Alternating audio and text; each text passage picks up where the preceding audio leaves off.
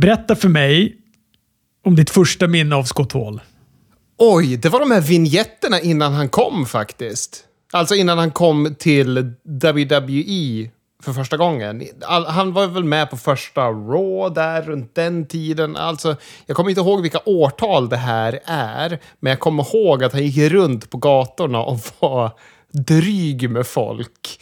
Och var en riktig bad guy. Men eh, det är mitt första liksom, minne, det är de vinjetterna. Och sen så är han en av tre wrestlare som min farsa kan namnet på. Det är Hulk Hogan, det är Big Boss Man och det är Razor Ramon. Och Hulk Hogan är för att det är Hulk Hogan, Big Boss Man för han såg ut som elak i polisen. Och sen så tror jag min farsa tyckte att Razor Ramon var cool. Det är enda anledningen jag kan tänka att han uppfattade vad han hette.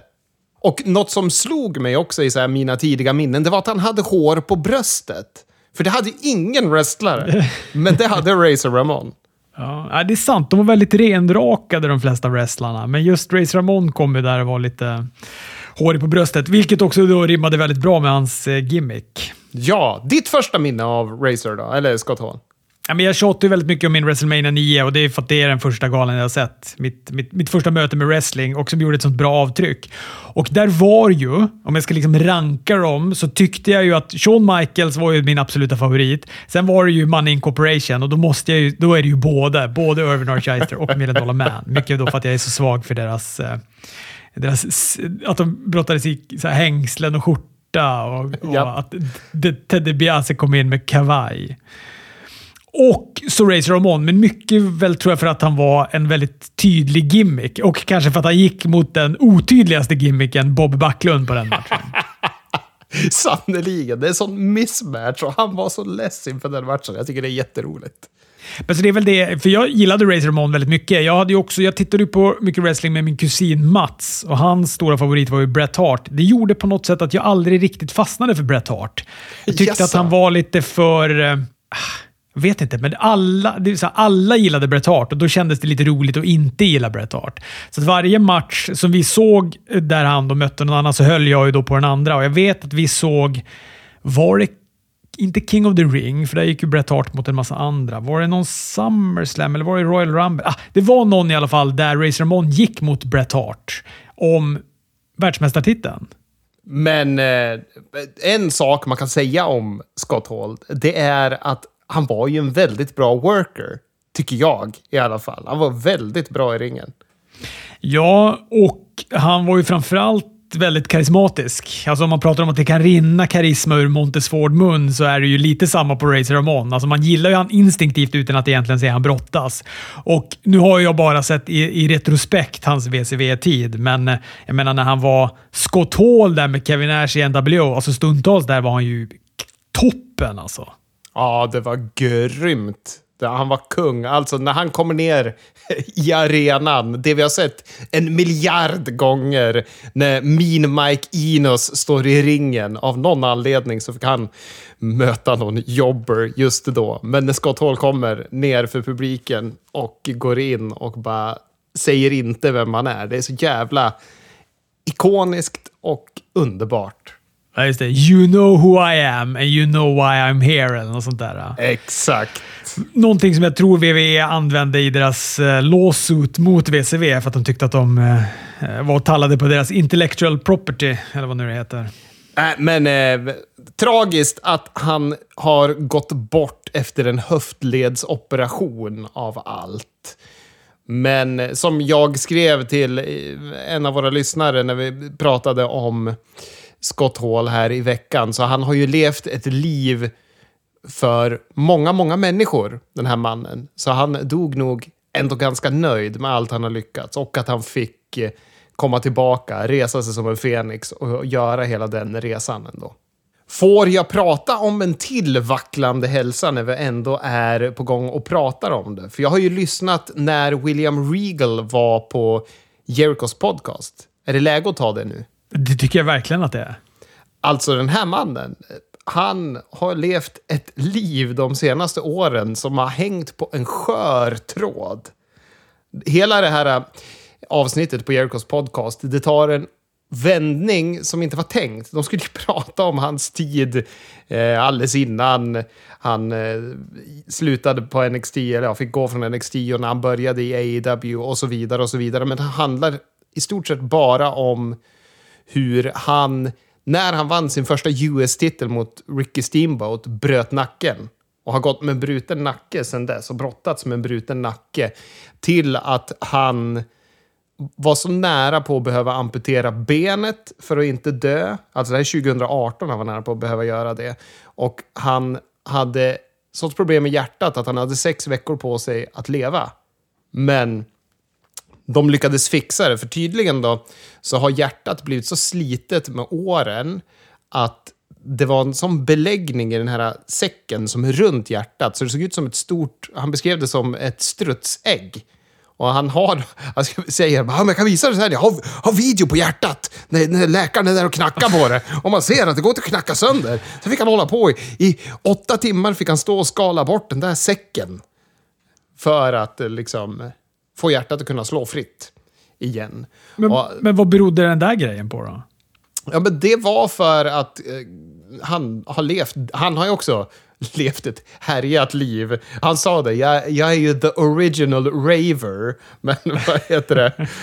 Han, eh, nej men han, jag kommer inte ihåg exakt hur han sa att det där hängde ihop med nackskadan. Men nackskadan gjorde mycket. Att han liksom har gått och kompenserat för att han har haft en bruten nacke. Det har ju tydligen format som, alltså när de gjorde röntgen på hans eh, ryggrad, då ringde de upp honom och kunde inte förklara. Alltså, du har någonting i ryggen som jag aldrig har sett för.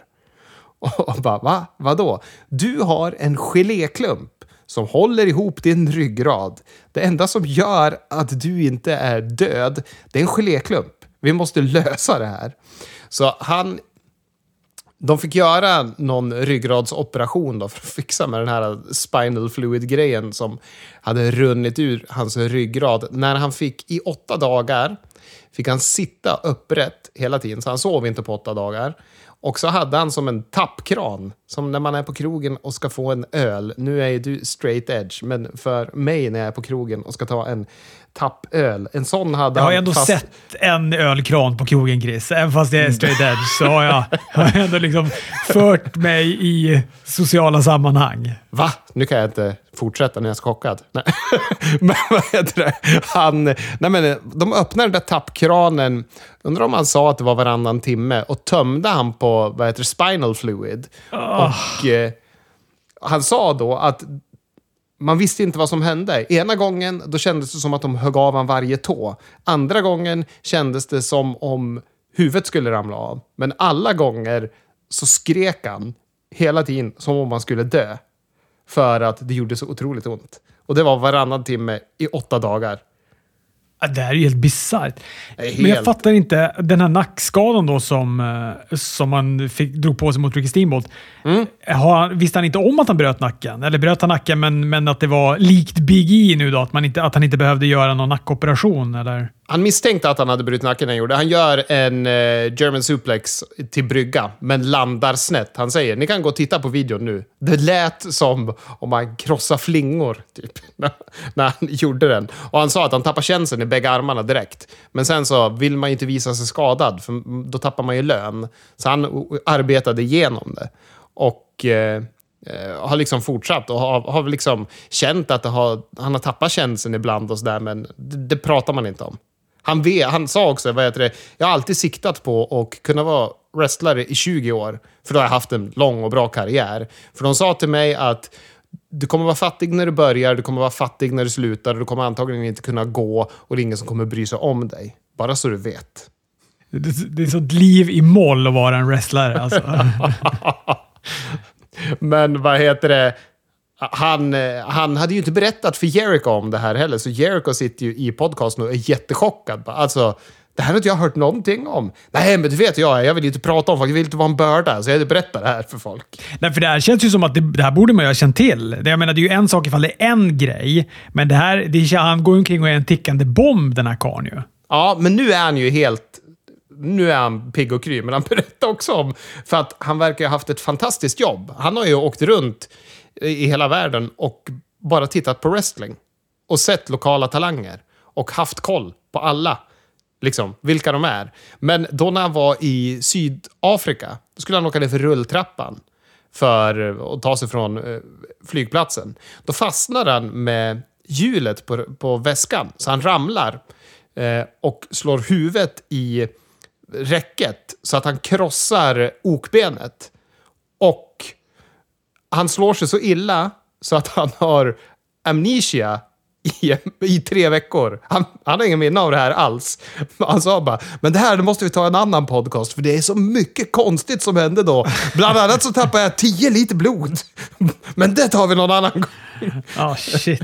Ja, vilken jävla grej alltså. Han berättar också att han hade ju aldrig kunnat göra den här ryggradsoperationen om inte WWE hade försett honom med de bästa experterna i världen. Och när han fick den här minnesförlusten, då fick han åka till ett av tre ställen i hela världen. Och det här, det här var det enda stället i Amerika där de specialiserade sig på såna här hjärnskador. Och han fick ju så här superkurer och dunder-rehab. Och det var bara för att WWE hade en fot in där. Han sa det bara, alltså jag har så dåligt samvete för folk får köa i så många år för att ha en chans att få komma in här. Och jag fick gräddfilen in. Men jag är evigt tacksam. Men jag känner ändå liksom att det är rövigt. Det är klart. Och WWE har väl förmodligen payat för allting också kan jag tänka mig. Ja. Men nu, apropå det här att scouta, han kommer du ihåg när de hade NXT UK-turneringen? När det var 16 brittiska brottare. Han hade två dagar på sig att få ihop de namnen. De ringde, de ringde till honom när han var nere i Australien efter en show. Du, om två dagar, då ska vi ha en, en, en turnering i Blackpool. Fixar du det du? Så då bara, ja, jajamän, för man svarade alltid ja. Och sen så var jag tvungen att ringa runt. Bara, jag tror det är 13 timmars skillnad, men det sket jag i. Jag bara ringde till dem och frågade. Men du, det här du snackade om att han höll på att amputera benen 2018, det måste ha varit under tiden som han var i... Alltså det måste ju varit när han hade hand om NXT.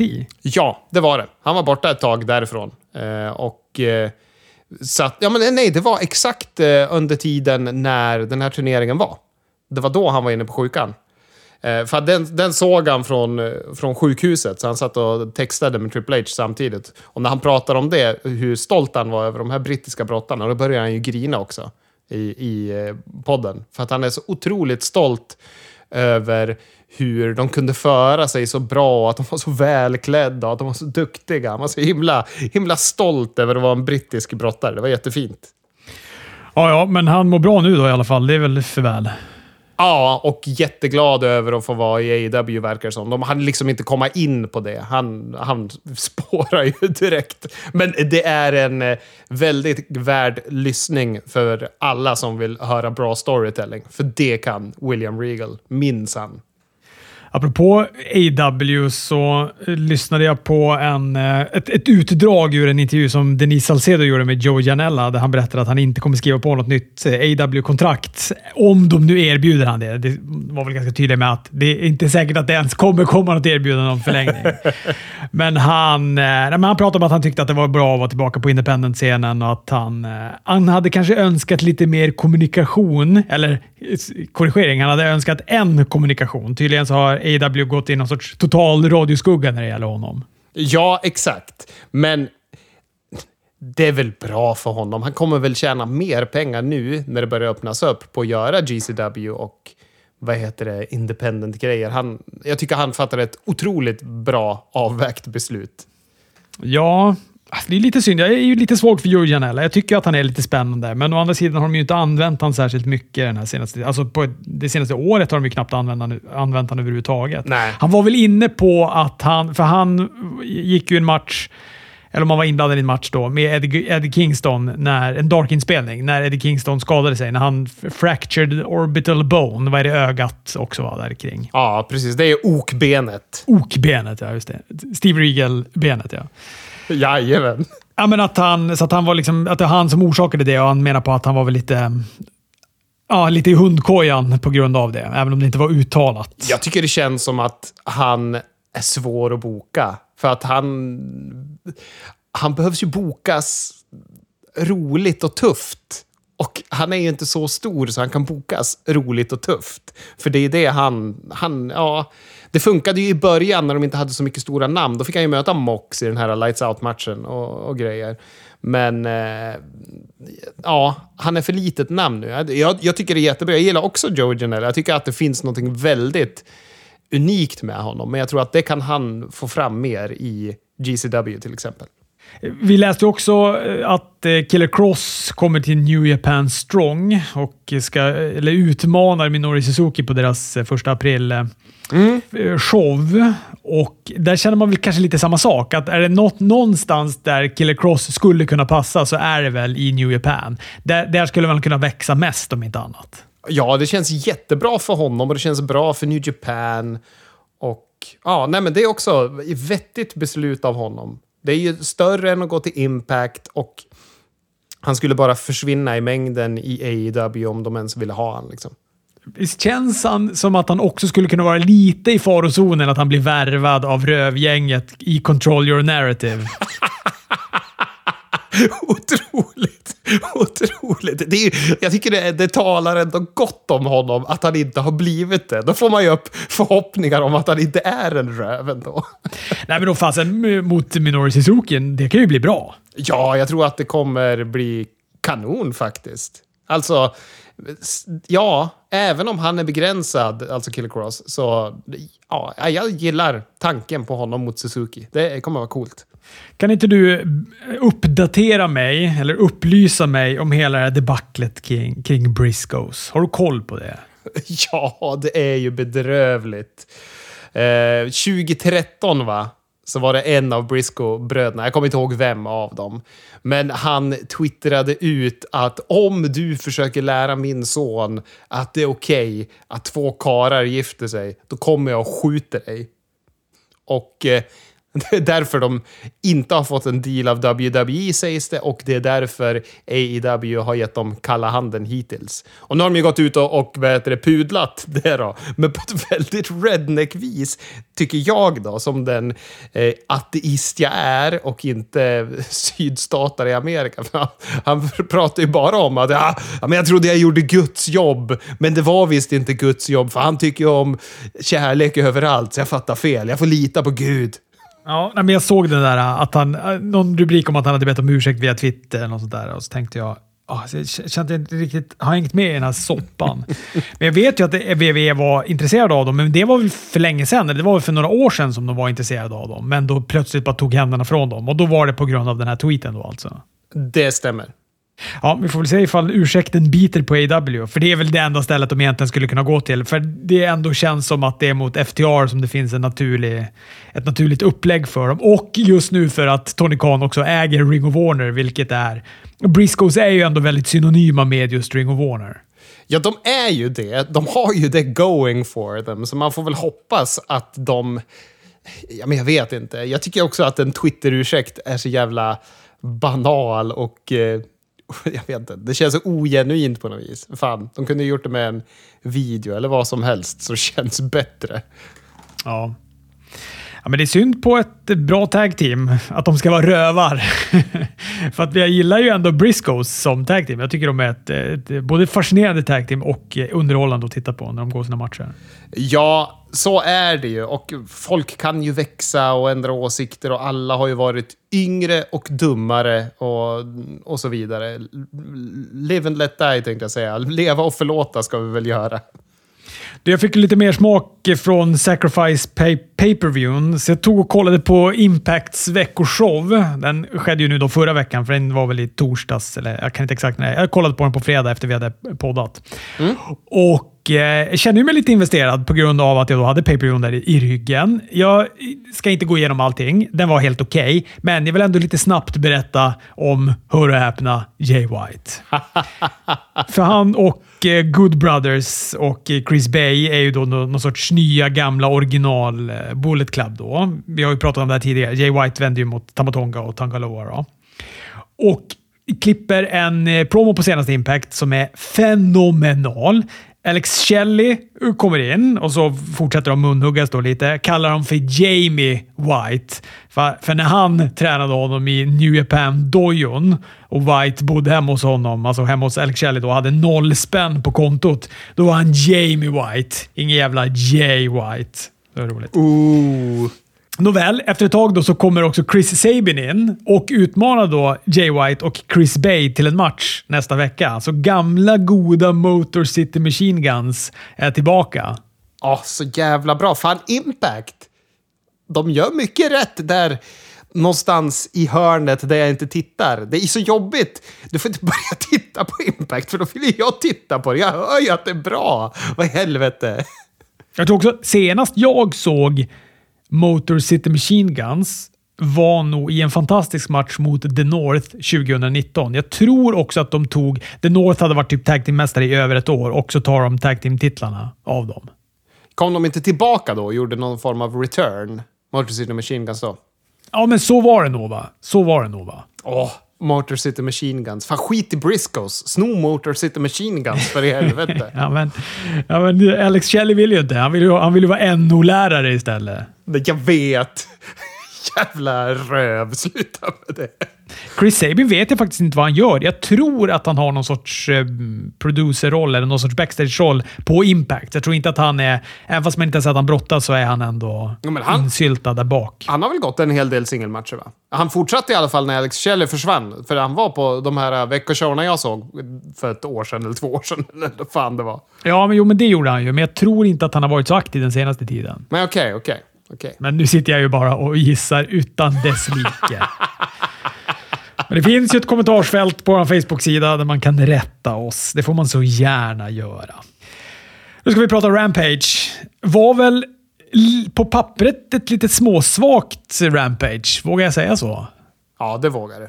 Det, det tycker jag du ska. Ingen Adam Cole, ingen CM Punk, vi hade ingen Brian Danielson, ingen Moxley, ingen Young Bucks, ingen Britt Baker eller Hangman Adam Page. Det var liksom inga stornamn. Även om jag tycker att det blev en bra episod ändå, men det fanns som inget som var så här “Yes, nu ska jag kolla på Rampage” för att i main eventet är det CM Punk eller är det Hangman Adam Page. Nej, jag håller med. Det var eh, eh på pappret svagt.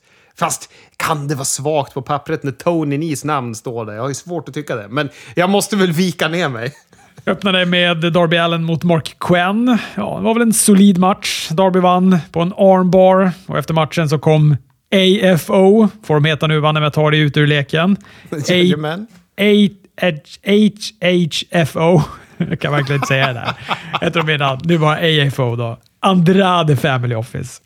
Ja, men de stegade in mot ringen och då kom Hardy Boys in i två år 2000 skrud och med sin blotta närvaro då förhindrade en konfrontation. Ja, men det var skönt för publiken att få poppa lite. Vi fick eh, Jamie Hayter mot Mer- Mercedes Martinez och det här var en match som jag gillade jättemycket. Oväntat mycket gillade den här. Alltså Jamie Hayters fysik, jag gillar att hon ser så stark ut och hon brottas också ganska stiff. Och jag tycker att den stilen matchade Mercedes Martinez väldigt bra. Det var mycket kampmatch det här. Ja, och det är, jag blir alltid glad när de har stabila dammatcher, för det kan vara så otroligt svajigt i den divisionen. Så att det var skönt att se det. Och jag gillar Jamie Hayter jättemycket. Martinez suplexade in Hater i ringhörnan. De gör den där grejen ibland, där det ser ut lite som en hockeytackling en meter ifrån sargen. Du vet att det lätt ska kunna gå åt helvete. Japp. Martinez följde upp med en Spider German suplex från topprepet. Så medan domaren kollade till Hater, då passade doktorn, Britt Baker, då, på att hjälpa Martinez ner från topprepet med en välplacerad höger. Hater tar täckning och vinner och efter så kommer då Thunder Rosa springandes för att hjälpa Martinez som precis skulle åka på en curb stomp på Bakers världsmästarbälte. Ja, men det var bra skit. Den här matchen gillade jag jättemycket. Keith Lee vann över QT Marcel. Fyra minuters match. Keith Lee gör sin grej. Han tacklar och han styrker brottas. Men jag tycker att han är långsam. Jag tänkte ju säga det. Det här är ju en repris av vad jag kände när Andrade kom till AEW. Det var inte bra i början. Och Keith Lee, han har gjort dåliga promos. Jag tycker inte han är bra på promos överlag. Eh, och sen så har han gjort inte bra matcher. Alltså han, han hade ju, vad heter det, vad heter han? Isaiah... Cassidy. Isaiah Cassidy, ja. Ja, precis. Han gjorde ju Keith Lees debut. Och eh, QT Marshall, QT Marshall framstod fan som The Rock i den här matchen. I karisma, i jämförelse. Det var jättejobbigt. För QT Marshall som jag hatade när han tag-teamade med Dustin Rhodes. Jag tycker ju att han, han var som en superstjärna här. För att han, han var så heel. Och jag tycker att han, nu har han ju dock snott den här spotten ifrån eh, Serpentico, vilket gör mig förbannad. Men när Keith Lee choppar honom så han bara fryser hela kroppen och faller rakt bakåt. Det gillar jag. Jag tycker, tycker QT Marshall var rolig i matchen, men jag tycker fan, Keith Lee måste steppa upp. Nej, men jag håller med, men det, om vi då ser till Andrades utvecklingskurva så får vi väl luta oss mot den då när det gäller Keith Lee också. För Jag tycker också att det har varit svagt sedan han kom. Vi vet ju båda att han kan bättre, men... Eh, vi får fan ringa Meltzer så han får säga att Keith Lee ser lat ut. Se om det har samma effekt som det hade på Andrade. Ja, efter matchen så tog Powerhouse Hobbs och Starks ut Keith Lee. Eller det var väl mest Hobbs som gjorde en spinebuster som såg imponerande ut. Snyggt! Jag gillar Hobbs. Fan, Hobbs och Starks, de är... Fan, det är mycket så här uh, homegrown talent i AEW som fan är kung. Ja, och så Swerve Strickland mot Tony Nese var main eventet. Den var bra. Jag tycker inte att det var något jätteexalterande, men det var välbrottat och publiken var helt okej okay med på noterna. Och Swerve vann givetvis. Givetvis. Ja, nej. Det var ju bara en 205-match, kändes det som. Fast med längre tid. Gjorde de inte några referenser till det? Nu vet jag inte om det var inför när Mark Henry har den där “It's time for the main event”-intervjun innan. Eller om det var på, på Dynamite innan när de, när de peggade upp för den här matchen. Men det, där jag tror Tony Nese sa något i stil med ah, “Vi har ju brottats på många fredagar, du och jag”. Japp, måste japp. med, det måste ju varit en referens till 205 då. Det måste det ju vara. Vad heter det? Jag tycker att det är konstigt att de använder... Alltså, alltså jag älskar ju som sagt Tony Nees, men jag tycker det är så konstigt att de använder honom i den här matchen. De skulle satt något namn som var värt att vinna över för Swerve. Ja, Ja, det är en liten konstig första parning. Alltså man fattar ju den. Den här är ju på pappret är den ju delikat för att man vet att det är två bra brottare och att det kommer bli en bra match och sådär.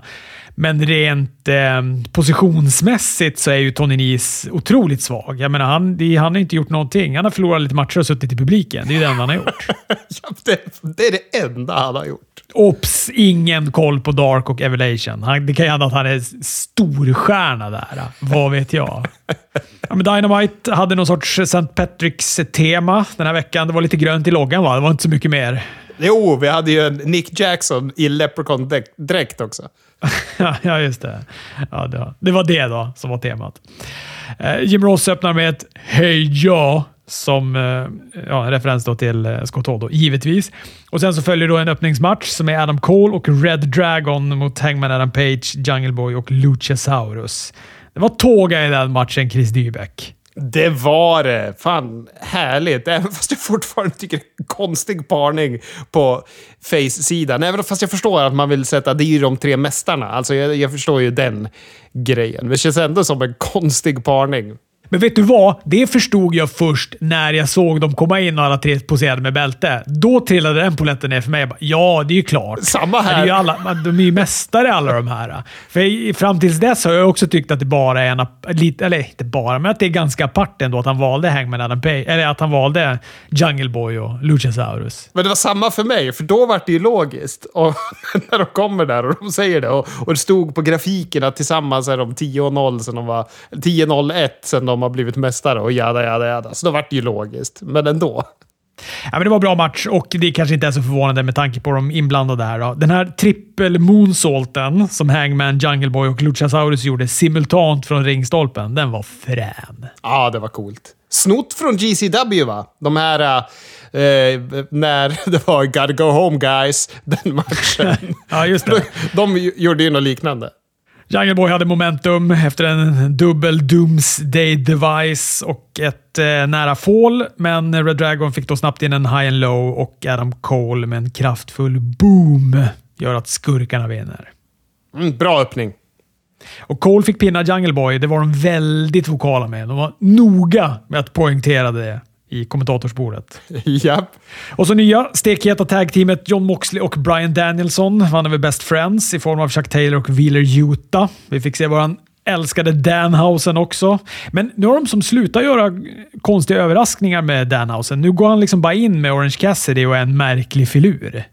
Ja, det är så otroligt dålig användning av honom. De vet inte hur man ska använda honom. De bara vet att han är populär. Tony Khan har bara signat honom och nu vet han inte vad han gör med han, känns det som. Men jag tycker ändå de visste lite hur de skulle använda honom i början. För att när, han, du vet, när de sliter fram honom under ringen och såna här grejer, då är det ju lite spexigt och kul.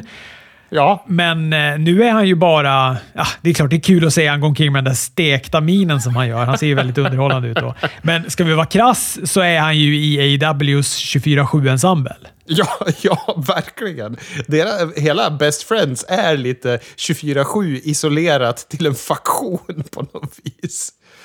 Men i den här matchen, har du hört någon säga ordet pro-wrestler fler gånger än vad William Regal gjorde på kommentatorssidan här? Jag gillade Regal i kommentarsbordet här. Jag tyckte han var bra. Han, han var också... Han låter så himla glad. Ja, verkligen. Otroligt glad. Jag tycker att det var fantastiskt att ha honom där. Tycker det här var en bra match. Jag tycker den gjorde Wheeler Utah. Jag såg eh, Wheeler Utah och allas vårt favoritnamn Biff Busick gick ju någon match här i något indieförbund i helgen, tror jag det var. Och då gjorde Wheeler Utah en så här eh, iPhone-promo när han har stått och filmat sig själv. Men jag tyckte den var väldigt bra. Jag tycker han var riktigt bra i den promon. Han hade jätte Eh, jag menar, han pratade väldigt bra och hade karisma och grejer. Så jag tycker det var skönt att se att eh, de ansträngde sig för att faktiskt försöka göra honom till en stjärna i den här matchen. Jag tycker de gjorde det väldigt bra. Det var snyggt också när, när man då har suttit och lyssnat på William Regal, låta sådär glad och lycklig och bubblig i kommentatorsbordet, Och sen då växlar han om på det där sättet. När, för efter matchen så steg ju William Utah fram till Regal och sträcker ut handen. Varav William Regal då bara svarar med en hård lavett. Ja, det är så kung. Och så säger han åt honom, gå och träna lite till du. Så kan du komma tillbaka kanske och kolla om du får vara med oss. Men visst var Wheeler Utah en av dem som eh, Brian Danielson nämnde i den här promon när han pratade med Mox om att han ville bygga det här stallet? Ja, var inte det efter en Wheeler Utah-match typ? Nej, det kanske var efter en, eh, vad hette han då? Moriarty-match var det va? Men jag tror att han nämnde Garcia, Utah och Moriarty. Men det som, eh, en till intressant del här var ju att innan matchen så fick vi se ett kort, kort, kort promo, videopromo med Chris Statlander när hon sminkar av sig. Hon har ju varit en rymdvarelse, men den såg hon ju väldigt bister ut och sminkade av sig. Och Wheeler Utah lämnar ju Best Friends medan de går upp och eh, går in till William Regals grabbar och försöker sträcka fram handen där. Så det känns ju som att Best Friends är på väg att lösas upp i någon form. Och, och det kan ju vara bra, kan jag tycka. Slipper vi 24-7-faktionen. Sen fick vi JAS. Tycker det är bra, bra förkortning. Jerichos Appreciation Society. Det var 30 minuter där Jericho pratade om hur uppskattad han var och framförallt att han är en sports entertainer. Inte en wrestler. En sports entertainer. ja, ja, jag tycker det var bra. Det var kanske inte 30 minuter. Jag skarvar, men tid fick de. Ja, man skulle ju vilja att eh, GCW-killen var här och ropade “You gotta go home guys”. För den var lite i, i längsta laget. Men den var väldigt bra på många sätt och jag tycker om att alla fem fick mikrofontid, för det är ju 2.0 som börjar att presentera. Jericho döper ju om dem till deras riktiga namn, för de ska inte ha dålig creative, så de får heta sina riktiga namn då. Och... Eh, ja, vad han sa, det, att 2.0 var a bad name from bad creative. Ja, men, ja, det var väl inte 2.0, utan det var Chase Parker och vad fan den andra snubben hette. För de fick ju byta till sina riktiga namn, men de kallades ju 2.0 fortfarande. Ja, Mats Menard och Angelo Parker heter de nu. Ja. Precis. Det är deras riktiga namn. Precis. Och sen så, vad heter det... Fan, Daniel Garcia fick ju också prata och han var ju duktig på micken. Det, var, han, det såg lite skakigt ut i början där när han sög tag i micken ur Jerikos hand och så skulle han du vet, sätta igång. Men jag tyckte ändå att han, eh, jag tyckte att han hämtade sig och jag tyckte att det blev ändå bra hela den här grejen. Och det är också jävligt kul att de trycker på att de är sports entertainers. Ja, för här ställer sig ju Daniel Garcia och eftersom Jericho är en sports entertainer, då är jag också det och säger det rakt in i kameran. Äh, jättebra, jättebra. Ja.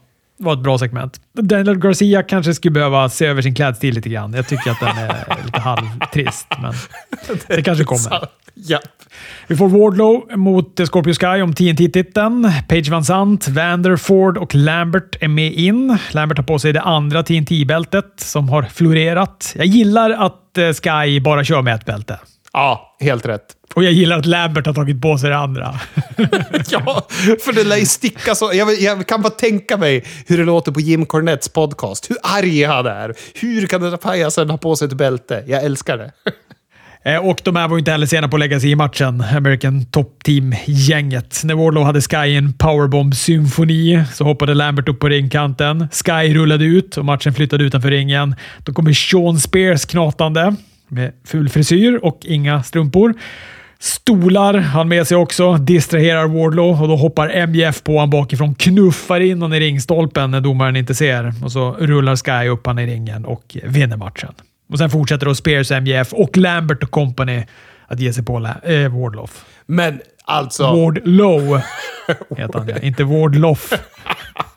Men vad heter det? Det är tandläkare har ju en bedövning i... Halva liksom käften är ju bedövad, så det är väl därför jag sluddrar så mycket idag. Men Wardlow är över. Alltså, det är det här jag gillar. Att de lyckas ju skapa homegrown talent. Alltså kommer du ihåg när vi bara såg något kort segment när det gick en välklädd snubbe med en tjej på en parkeringsplats och så kom det killar och han började closelinea dem. Vem fan är den här Wardlow? Och nu är han så otroligt över så att det nästan känns Eh, är det ju inte riktigt samma, eller verkligen inte samma form av över, men som när Goldberg var på väg upp. När publiken bara väntar på att han ska bara dundra in med sin finisher bara stå där och göra powerbombsen. Alla ställer sig upp då det bara bubblar i hela arenan. Ja, det kommer vara... Han kommer ju få gå igenom Sean Spears, men sen när han kommer få tag på MJF, alltså publiken kommer explodera. Hardys debuterade i AW i en match mot Private Party. Det var fullständig nostalgi det här. Kläderna, poserna, dramaturgin. Hardys vinner med en double twist of fate och sen då avslutar Jeff med en Swanton bomb. Jag tycker att Isaiah Cassidy har lite Montes Ford-maner för sig. Han gör ju det här höga falsettskriket som Ford gör ibland. Det var ju någon tror att det var någon takeover-gala där Viking Raiders liksom kommer rusandes när Montesford ligger i, i ringhörnan och han lägger av det där höga, höga falsettskriket i panik för att Viking Raiders ska liksom komma och mosa honom när han ligger där hjälplös i ringhörnan. Och Isaiah Cassidy, han hade ju lite samma här. Han skulle åka på en double leg drop av Jericho och då skriker han i panik med det här höga falsettet. Det låter skoj. Men det har ju han gjort jämt. Det har ju han gjort jämt. Jag tror, det känns ju som att han är the originator av falsettskriket. I alla fall i min värld. Jaha, det kanske är så. Jag har alltid tänkt att det är Montes, Montesfort som har hållit på med det där jämt och att det är Cy Cassidy som har snott av honom. Men det kan, jag, det kan ju vara tvärtom. Nu får ni skriva i kommentarerna. Rätta oss. Se till att jag har rätt, för fan. Och när det gäller Jeff och Matt Hardy då, så kan jag väl känna att ja, absolut, den här nostalgifrossan den kan de hålla på med, men inte allt för länge. Jag tycker att de ska göra något mer. Alltså, de har ju ändå... Här har de ju en kreativ miljö ja. och en kreativ möjlighet framför allt. Och de borde kunna göra något mer spännande än bara vara år 2000 Hardys. Jag håller med. Jag håller med. Men jag kan även tänka mig att Tony Khan ser merch-pengar i Hardys 2000. Efter matchen kommer Andrade och hans familj struttande ner för rampen och omringar ringen, men Sting och Darby kommer in och jämnar ut underläget i manskap. Alltså, vi måste bara ta några sekunder och njuta av att Butcher har den bästa looken i världen just nu. Vad har hänt med honom? Är det sen, han, går han igenom någon kris nu? För visst la hans det här Every Time I Die, eller vad fan de nu heter, va? De la väl ner det bandet? Ja, de sparkade sångaren och la ner och sen har de sagt att de ska starta igen. Så jag vet inte riktigt vart de är. Men han går nog igenom en kris för att han har ju lagt på sig något jävligt med skägg och grejer. Så han är så jävla vältränad nu. Och han ser ju ut som han, ska, han hör hemma på Blue Oyster Club i polisskolan. Ja, känn på den referensen ni. Ja, nej, men jag tycker han är toppen. Jag gillar hans, jag gillar hans look. Men jag gillar ju Butcher och Blade. Jag tycker att det är bara lite synd att de inte riktigt har fått det, det, känns som att de aldrig har fått fäste riktigt i AW. Du vet, de började ändå och så var de ändå lite småpushade och så sen typ skadade väl sig han sig. Eller, det känns som att det är alltid han som är skadad av de där två. Ja, men han har säkert varit skadad och varit eh, bandaktiv och så. Gjort skiva och grejer. Men det var, det var ju kung när de var på och, och stod i köket någon gång när det var någon sån här streetfight och de bara dök upp. Alltså under pandemieran så var de ju kung. ja, just det. De stod och slaktade eller någonting där. ja, ja. Hade förklä och, och stycka upp någon gris samtidigt som det kommer brottare springandes. Ja, det var underbart. Var det inte någon... Eh, det var något FTR-segment här med Young Bucks där det hintades om Bret Hart. Ja, de säger vad heter det? Han pratar om att de sparkade Tully Blanchard förra veckan. Och då kom ju Young Bucks in och eh, hånar dem, säger att de aldrig kommer vara annat än det näst bästa tag-teamet i AEW. Spelar ingen roll vilken manager ni har. Ni skulle till och med kunna ta den bästa. Tror du att det är Bret Hart då? Jag är övertygad. Varför skulle annars CM Punk snöa in så otroligt på Bret Hart när ingen frågar om han? De måste ju ha pratat om Bret Hart innan för att man ska kunna bli sådär insnöad. Men vi måste backa nu lite. Nu måste vi tillbaka till pay per view för det här är någonting som du och jag inte har pratat om i sändning. Och det är någonting som har med William Regal att göra, för han pratade väldigt mycket. Ni får ursäkta här nu att jag hoppar tillbaka till William Regal. Men han pratade också hos Jericho om när han var i FCW, hur hans bästa storyline där var tillsammans med Mox, eller mot Mox. Men han nämnde även att han hade arbetat mycket med, med Brian Danielson och Claudio, alltså Cesaro. Och jag är, nu tror jag var, jag kommer göra den här dikten om Cody Rhodes, om jag har fel här. Men kameramannen med ansiktsmask på Revolution, det var Cesaro. Det måste ha varit Cesaro. Ni kan gå tillbaka och titta, speciellt under Mox mot eh, Brian Danielson. Titta på ögonen på den kameramannen och titta på hur lite han rör sig som en kameraman. Han står med ena armen så här, som om man står med armarna i kors över bröstet och i den andra håller han i en kamera och han bara står där. Med Cesaros ögon. Jag missade ju den här helt och hållet. Du har ju berättat för det här om mig off-air, men jag missade ju han helt och hållet. Däremot så såg jag den kameramannen på Dynamite. Han var även, men du vet man bara såg han liksom snett bakom i någons entré. Så stod han i eh, Mox eh, Brian Tag Team-matchen här också. Jaså, åh, det missar ju jag! Ja, men det är Cesaro. Det är, jag är övertygad. Det måste vara det. Men det är ett sånt fruktansvärt konstigt sätt att debutera Cesaro på. Och så konstigt långdraget. Ja, men det är underbart. Om det är det så kommer det vara så bra. Men om det inte är det, då har de satt på han masken för att han är för lik Cesaro. Så de är rädda att publiken ska poppa när de ser han. Man är ju så otroligt vältränad också. Han har ju en brottares kropp, den här kameramannen. Det har inte en vanlig kameraman. Ja, men det kan inte vara en slump. Eller det, alltså, det kan inte vara en vanlig kameraman som bara är så fruktansvärt lik Cesaro. Så de bara, nej men hörru du, du måste tyvärr ha på dig kroppstrumpa och mask hela köret. För att vi vet att du är en jätteduktig kameraman och vi vill gärna ha dig. Men du är alldeles för lik Cesaro och då kommer folk tro att du är Cesaro. Och om det är, är så, alltså det kan vara på två olika sätt nu i min värld. Det ena är att det är Cesaro, det andra är att det är den här kameramannen som det är synd om, som måste ha mask. Och bägge de alternativen är underbar. Men jag bara funderar då på, som, som jag då lyckas se honom snett bakom i entrén av typ Brian Danielson. Och han är ju med en nanosekund. Sen är det ju ingenting mer honom. Vi har ju sett, vi har ju sett mer av den här jävla flyttkartongen i publiken än vad vi har sett av, av den här då Cesaro-kameramannen. Det är han! De kommer visa det. De kommer visa han var där hela tiden. Antingen för att möta de här, eller för att gå med dem på något sätt. Jag, jag har inget svar på varför än. Och det är någon konstig jävel som har pitchat idén. Men John Moxley verkar ju lite konstig, så det kan mycket väl vara så. Eller så är det så här Cesaro tänker när han kommer på egna angles. Och det är därför han aldrig fick igenom något i WWE. Vem vet?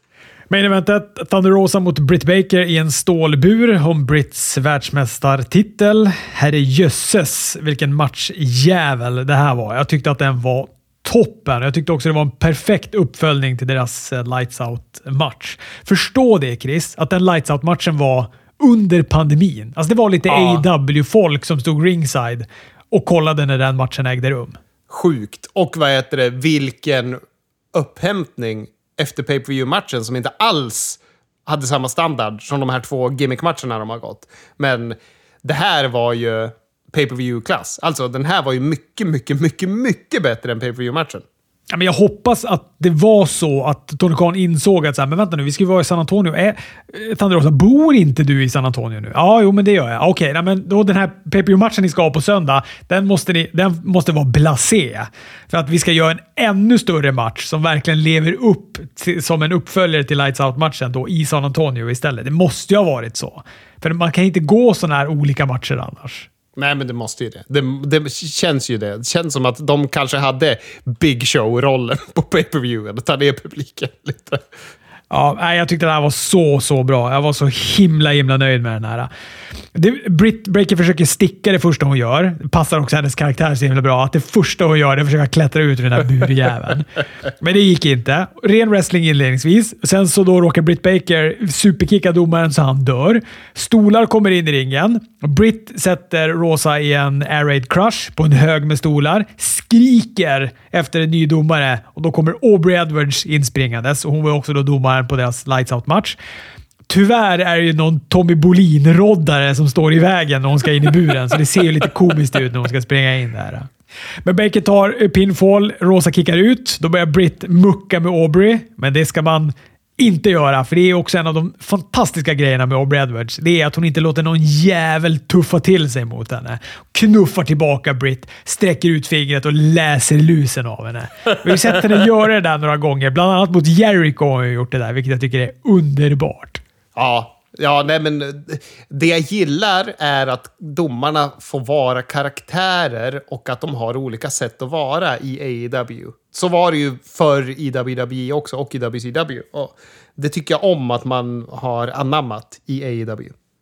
Britt bygger upp en pyramid av stolar nedanför ringstolpen, peggar upp för en spansk fluga på Rosa, men hon vänder den, får ner då Britt raklång med ryggen före på den här stolspyramiden. Oh. Att hennes ryggrad är intakt efter den är ett mirakel. Ja, oh, fy fan alltså. Sen åker fram häftstift och efter en blodig kamp så sätter Thunder Rosa sin Fire Thunder Driver på häftstiften och vinner matchen. Toppen match! Ja, det var kung riktigt kung. Jag gillar ju inte Thunder Rosa, jag hatar henne, men det här var kung. Du måste kunna bortse från ditt hat, för det här var så bra. Ja, ja! Gud ja! Gud ja! Jag är jättenöjd. Jag tycker att det är spännande med en ny mästare. Att det är en face-mästare och så vidare. Och vad kommer hända med Britt Baker? Och eh, det finns jättemycket. Alltså, det öppnar ju upp till att jag vet inte vad som kommer hända. Det tycker jag också om. Snyggt också att det är, alltså det är ett år sedan som de har gått, sedan de gick den där Lights Out-matchen. Fatta ett år har man ändå suttit och suktat efter att någon gång kommer de gå returmatchen och den kommer bli så fet. Och så du vet, bygger de det ett år och så kommer den och så är den också lik. Så upp, lever den upp till alla förväntningar, som jag hade i alla fall. Ja, och det är det som är så synd att det var den pay per view matchen emellan. För där hade man ju förhoppningar att det skulle vara. Men det var ju, som sagt, det måste ju varit det här som var planen. Och det vart jättebra. Visst hade hon lite Scott Hall-hommage på kläderna också, Britt Baker? Det såg ut som den här målarfärgen som rinner lite grann på brallorna. Exakt, exakt. Exakt så. Och vad heter Thunder Rosa? Hon hade 316 på sin rumpa. Och så gjorde hon ju den sämsta standarden i världen. Någon, någon typ sparkade Britt Baker mellan benen och missade att ta tag när hon gjorde standarden. Men eh, så att det var ju också eh, lite roligt att hon homageade honom. Hon försökte skriva någonting med blod på magen efteråt. ja, ja. Tyvärr hade det där blodet koagulerat så pass att det inte det blev ingenting när hon skrev på magen. Jag kunde inte riktigt se vad, vad fingrarna försökte gestikulera fram. Nej, tyvärr. Ja, men bra AW-vecka. Hur ser det ut på Raw-sidan då? Ja, vi fick ju ett händelserikt Smackdown. Två bedrövliga saker hände. Vi börjar med det som var mest bedrövligt. Det var ju att eh, Biggie då bröt nacken i en match mot... Eh, alltså New Day gick mot Ridge Holland och Sheamus. Holland ska göra en belly to belly suplex på Biggie på golvet nedanför ringen som Biggie då landar rätt uppe på huvudet. Ja, fy fan alltså. Det är tur att han inte blir paralyserad där alltså. Ja, för man såg ju att... Man, man ser att han snappar ligger helt raklång och blickstill efteråt. Han rör ju sig inte en centimeter. Han säljer ju inte heller något sånt där. Han ligger bara raklång.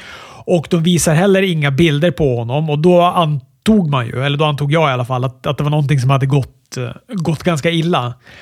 Men sen så la han ju upp en film på Twitter där han säger att han kan röra på fingrarna och att han... Eh, men att han då tyvärr fått veta att han har, har brutit nacken. Och sen var, senaste uppdateringen är väl att han inte kommer behöva någon operation. Exakt. Och vad heter det? Fan, den här mannen. Han utstrålar som värme. Så bara de här, han har ju släppt ett, ett par korta videos från sjukhuset. Och man kan inte låta bli att älska honom. För att han är... Han, ja, vilken genomhärlig människa han utstrålar att vara. Och gud vad det var mycket kärlek till honom från wrestlare från alla förbund. Och, och överallt liksom. Uh, och mycket luttrade veteraner som hatar att uh, otränade wrestlare håller på med suplexes. Det har ju Taz varit förbannad på ett halvår. Och ja, sitter, sitter och svär på, på Dark och grejer över hur de bara använder råstyrka för att kasta iväg dem. Istället för att använda teknik. Men han har fått skit för det här, alltså Ridge Holland. De tycker att det är hans fel här. Det vet jag inte, men Taz tycker det. Och vad heter det? Det lät som att William Regal också tyckte det på Jericos podcast. För han pratade också om att varför håller folk på och gör saker de inte kan? Varför kastar de folk på huvudet när de inte, när de inte vet vad de sysslar med? Sen får vi väl se om han kommer tillbaka överhuvudtaget. Alltså jag menar, det, är ju, det är jättebra att han inte behöver göra en operation, men det behöver ju inte betyda att han, att han kommer kunna brottas igen. Nej, så är det ju. Men eh, vi får hoppas. Och om han kommer tillbaka så kommer han få så otrolig pop. Det är alltid fantastiskt när folk har kommit tillbaka från en skada och en farlig skada sådär. Och de kommer tillbaka och får all den där kärleken i ringen. Undrar hur mycket tjurnacken och tacka för att, han inte, att det inte blev värre det där. Ja, gud. Alltså. Han landar ju rakt på huvudet. På de där tunna alltså, jävla... mitt på toppen. Ja. Alltså det är som att man... Det är som på julafton när Kalanka hackar ner den där jävla fågeln i, i backen. Fast, fast på toppen av huvudet liksom. Ja, och i samma match så main roster debuterar de också Pete Dunne som Butch. Det är den andra bedrövliga grejen som hänger där. Han ser också som, ut som en miniatyr av Ridge Holland. Hatt och hängslen och grejer. Men är han, är han manager, eller? Det verkar ju som att han ska vara manager. Nej, men han attackerade ju Kofi Kingston bisarrt mycket efter matchen. Men han, han passar inte på main roster. Han, han, han, ser verkligen ut som att han har krympt i tvätten, precis som du brukar säga om han. Det var så otroligt tydligt här hur liten han är. Ja, jag sitter också och funderar på om han drog Adam Cole nitlotten. Du vet, få nytt namn och vara manager istället. Men varför fick han en av Bushwackers namn? Det är jättekonstigt. Alltså, jag menar, du kan väl hänga på en hatt och hängslen och så kan han väl ändå heta Pete Dunn eller bara Dunn eller bara ja. Pete. Men Butch är så konstigt ja. namn. ja, ja det, det rimmar inte med vem han är heller på något vis. Sen var det inte sådär jättemycket mer brottning på det här Smackdownet, utan mest segment för att pegga upp WrestleMania då, som är ändå tre veckor bort. Brock Lesnar i början ville ha Roman, men han var inte på plats, så då jagade han ut Paul Heyman istället. Drew McIntyre och Viking Raiders skulle gå match mot Happy Corbin, Madcap Moss och Jinder Mahal. Den matchen hände inte på grund av att heelsen tog ut alla, utom Drew backstage. Sen hoppade de på Drew i ringen, men eftersom han är en gladiator så lyckades han då ta ner alla och istället peka med sitt svärd på WrestleMania-skylten och sen på Happy Corbin. Men du pratade ju tidigare om att du gillar att IRS brottades i hängslen. Vad tycker du om att Madcap gör det? ja, men, ja, ska jag vara konsekvent med det så borde jag väl också gilla när, när vad heter han, Happy Corbin gjorde ju det.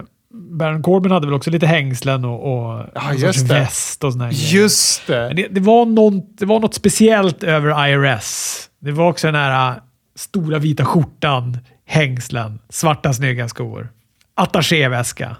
Ja, ja, jag håller med. Det är så otroligt mycket bättre än Madcap Moss dress. Men Madcap Moss är väl också, han ser väl ut som någon sorts Chippendale, va? Är det inte det? Han har ju, så här, har ju inga, han har ingen skjorta på sig. Han har ju bara hängslen på bar kropp. Men han hade väl en skjorta, men den har de liksom successivt chippendelat bort bara.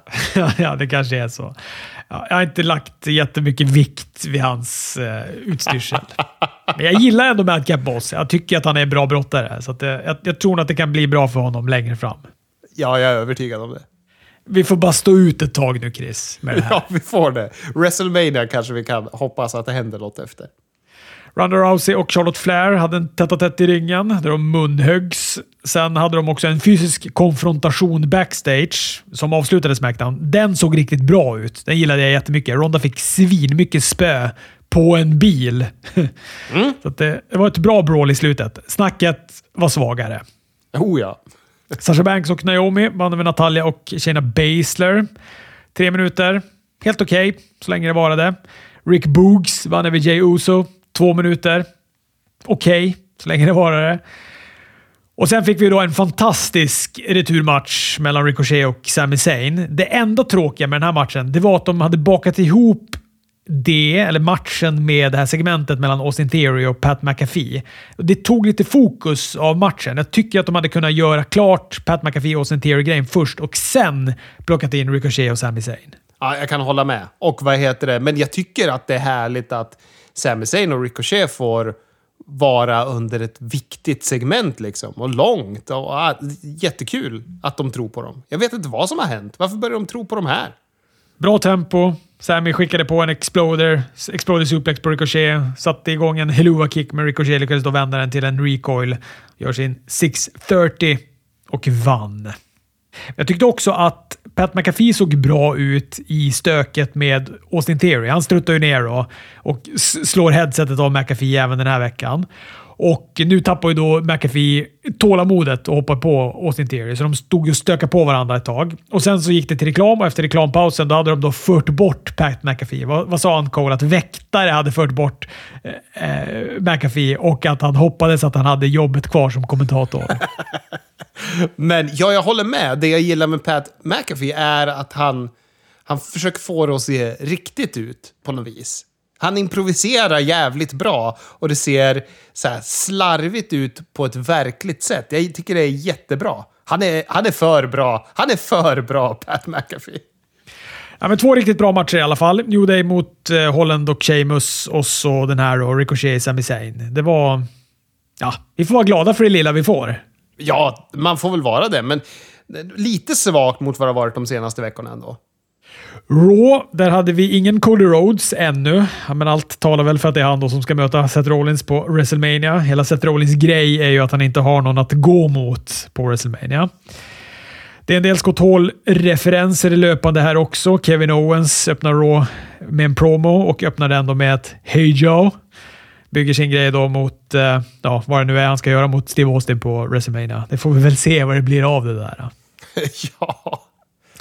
Finn Balor, vår nya US-mästare, förlorar mot Damien Priest i en icke-titelmatch. Austin Theory är inblandad här också. Han kommenterade matchen, eller han satt i kommentatorsbordet i alla fall. Det här störde ju då Balor under matchen så pass att Priest kan sätta en reckoning och, och vinna. Så han fejdar liksom både på Raw och Smackdown, den här Austin Theory. Jag vet inte om det här var med på YouTube. Det känns som att jag inte har sett det här. Nej, då var det nog bortklippt. Kan då tala om för dig också att han smög upp sen och satte en ATL på Ballers livlösa kropp och tog en selfie med honom. Mm -hmm. Ja, där ser man. Det, går, det är lite uppförsbacke för vår nya US-mästare. ja, nu har han skrivit på kontraktet. ja, precis. Exakt. Nu är det påkritat och klart.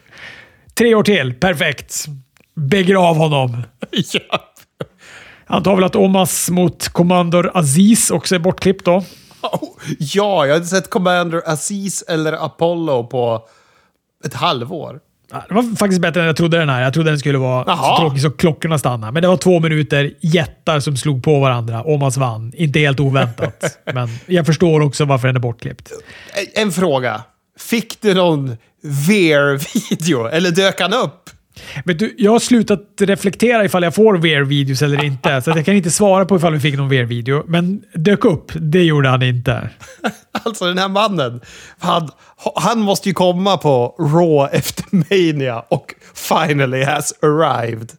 Ja, eller så har det blivit ett internt skämt det där, att han bara aldrig kommer dyka upp. Det vore nästan bäst om han aldrig dök upp.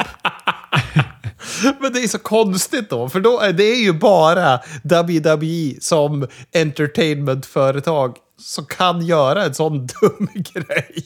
Det är också bara de som, som kan investera de pengarna i att avlöna någon till att bara... Nu för sig går han väl på det här uh, Saturday Night Main Event eller vad de har. Någon av de här andra tråkiga, obetydande showerna som de kör på WWE Network. Jag tror att han har varit där och brottats lite grann. Ja, just det. Lee Morgan mötte Queen Selina. Rhea och Carmella var självklart inblandade också. Men det börjar krackelera lite mellan Selina och Carmella. Selina tycker att Corey Graves har fått för mycket tid av Carmella då sen, sen de fick sin YouTube-serie. Som jag sett alla avsnitt som ligger ute på YouTube. 12 minuter långa. Helt okej. Okay. Jaså, där ser man. Ja, men, det är något att vila ögonen på när man äter. Alltså, har du inga högre krav än att du vill se något färgglatt som rör på sig och har en wrestlingkoppling, då är den här serien för dig. Ja, jag ska testa. 12 minuter, det känns ju som en bra tid för att få i sig lunchen och vara klar. Liksom. Så det låter rimligt. Seth Rollins har kommit på idén att han ska ha en talkshow på WrestleMania. Han har ju inget annat att göra. Något som Kevin Owens tycker är lite av ett plagiat. De håller på lite fram och tillbaka och det här landar då i att Sonny Deville bestämmer att Kevin Owens och Seth Rollins ska gå en match på Raw. Där vinnaren får talkshowen på WrestleMania. ja, det är också en angle. Hon investerar ju ganska hårt här, för de har ju ändå annonserat supergästen Steve Austin på grund av att Kevin Owens har hållit på att vara taskig mot Steve Austin. Så om de då hux flux skulle byta det till Seth Rollins så skulle ju då tappa hela idén om att Steve Austin... Alltså varför skulle Steve Austin ens bemöda sig med att komma då? ja, det är så dumt. Det är så dumt. Men, men. Nu, nu, blev det ju inte så fallet. Kevin Owens vinner ju. Vem kunde tro något annat? Men innan det får vi också se Ray och Dominic vinna över Shelton Benjamin och Cedric Alexander. Miss och Logan Paul i kommentatorsbordet. Det blir lite stök mellan alla efter. Bygger deras fruktansvärt ospännande upplägg till WrestleMania. ja, alltså... Det, det, är så platt på något vis. Det blir platt för att Mysterios har ingen stake i det här. Alltså, det, det, det, är så konstigt. Det är som att Miss och Logan Paul kör något eget mot publiken. Alltså, jag tycker det är konstigt och det, det leder ingenstans. Det, det känns som att det också bara är ett sätt att skarva in den här Logan Paul på WrestleMania. Ja, gud ja. Vi får veta att Queen Charmel presenteras till Hall of Fame. Vi har inte pratat om något Hall of Fame va? Vilka är det vi har? Vi har Undertaker som ska introduceras av Vince McMahon. Det berättar han ju på den här Pat McAfee-showen han var på. Ja. Vader va? Och Queen Charmel. Sen så ryktas det om Sid Justice och Steiner Brothers för att sen bara vara Rick Steiner och inte Scott Steiner. ja, men har inte Scott Steiner sagt att han vägrar... Han tycker att Hall of Fame är superlöjlig och hatar väl Vince McMahon typ? Ja, och typ Steph och Triple H också. Va? Är han inte ganska salt mot dem och pratar ofta om dem i termer som idioter och inkompetenta? Jo, och vad heter det? En sak är säkert. Man vill inte släppa lös Scott Steiner på mikrofonen när man är ett börsnoterat företag. Dum idé. ja. Det ryktas ju om att de kommer ha bara typ de här största namnen. Kanske att de har typ Undertaker och Vader. Och, äh, Vader kan de inte ha där. Han är ju död. Eh, men några där live och några ska bara vara du vet, så bandade iPhone-hälsningar. Va? På Hall of Fame-ceremonin? Ryktet säger det i alla fall. Vad bedrövligt! I och för sig, om det är många dönickar, då... Jag, jag förstår ju att vad heter Leon Y, alltså Vaders familj, det kommer ju vara någon... Det är inte lika spännande att lyssna på de talen, det är det ju aldrig. Och, och, och så, men fan, man vill ju höra Scott Steiner, gå an. ja, men det är också ett perfekt sätt att censurera Scott Steiner på också. Edge kör en, eller vad som har blivit en WWE-klassiker till promo. Allt är fansens fel. Bla, bla, bla. Alltså det är det och prata skit om hockeylag, de lokala hockeylagen. Det är det mest tröttsamma och uttjatade sättet att få liksom, reaktion på. Ja, nej. Bättre kan ni. Men han har ny musik i alla fall. Det är alltid något. Ja, ja det har han. Det är long time. Bianca Blair och Doudrop möttes gång 36 av de 36 senaste måndagarna.